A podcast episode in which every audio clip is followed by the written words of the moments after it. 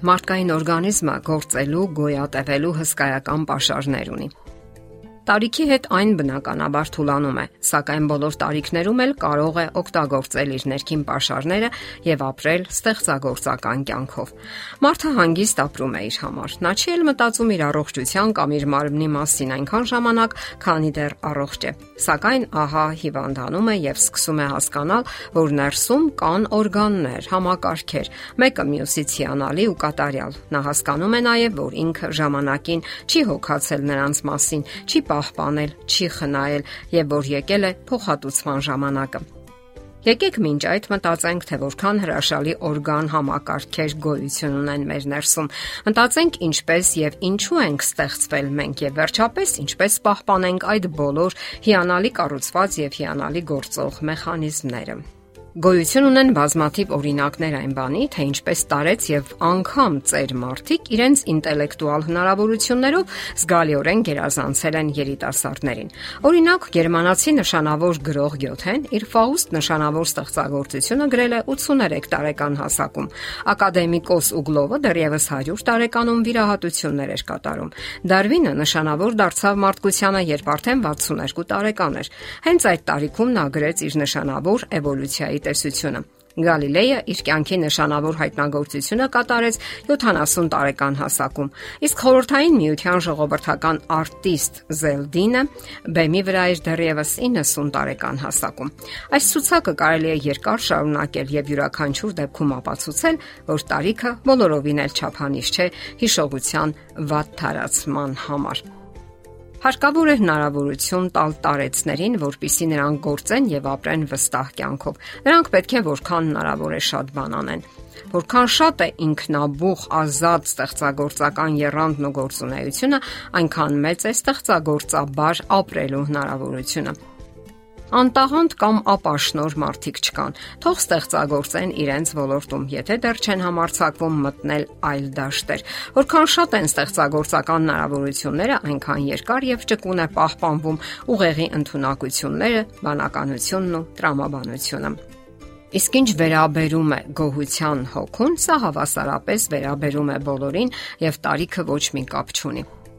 Ստրեսի հիմնախնդիրների նշանավոր մասնագետ Հանս Սեյլեն այն համոզմունքին է, որ շնորհակալության եւ երախտագիտության հոգին մեծապես բարերար է ազդում մարդու հոգեկան աշխարհի վրա եւ օգնում է նրան դիմագրավելու ամեն տեսակի սթրեսներին։ Ավելի քան 20 տարի տևող իր ուսումնասիրությունների ընթացքում նա հայտնաբերեց, որ իր հիվանդները ավելի արագ են առողջացել, երբ սովորել են շնորհակալ լինել։ Ուրեմն հարկավոր է այնպես անել, որ մեր դրական զգացմունքները ղեկավարեն մեզ։ Այդ ժամանակ մենք եւ ուրախ կլինենք եւ առողջ։ Հազարավոր տարիներ առաջ իմաստուն Սողոմոնը իր առակներում գրել է իմաստության եւ ուրախության դրական ազդեցության մասին։ Կարդում ենք. Իմաստուն սիրտ ունեցողը ողջամիտ է կոչվում, իսկ շրթունքների քաղցրությունը ավելացնում է հմտությունը։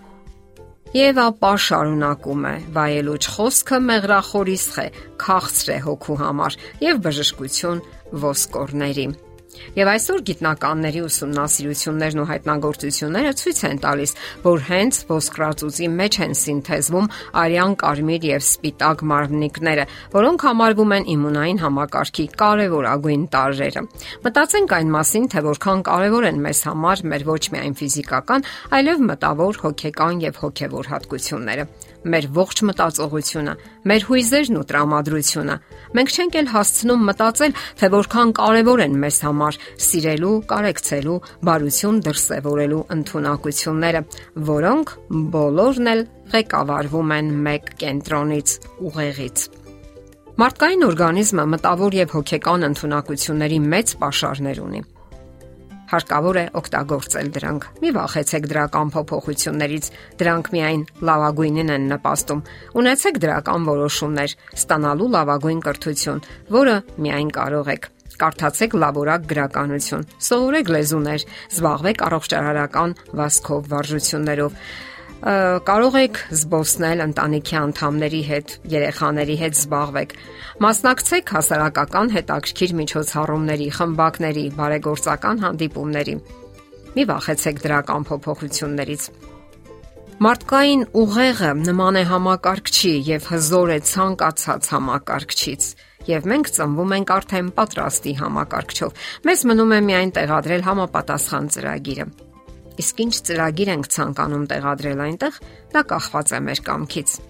Ինչ կյանք ենք ցանկանում ընտրել, ինչ ճանապարով գնալ։ Աստված մեզ ընտրության ազատություն է տվել Այստեղ է մարդկային ուղեղի եւ նույնիսկ ամենահզոր համակարգչի միջև եղած տարբերությունը։ Եվ մեր ողջ կյանքում մենք ընտրություն ենք կատարում, նույնիսկ ամեն պահի։ Եթերում է առողջ ապրելակերպ հաղորդաշարը։ Հարցերի եւ առաջարկությունների համար զանգահարել 033 87 87 87 հեռախոսահամարով։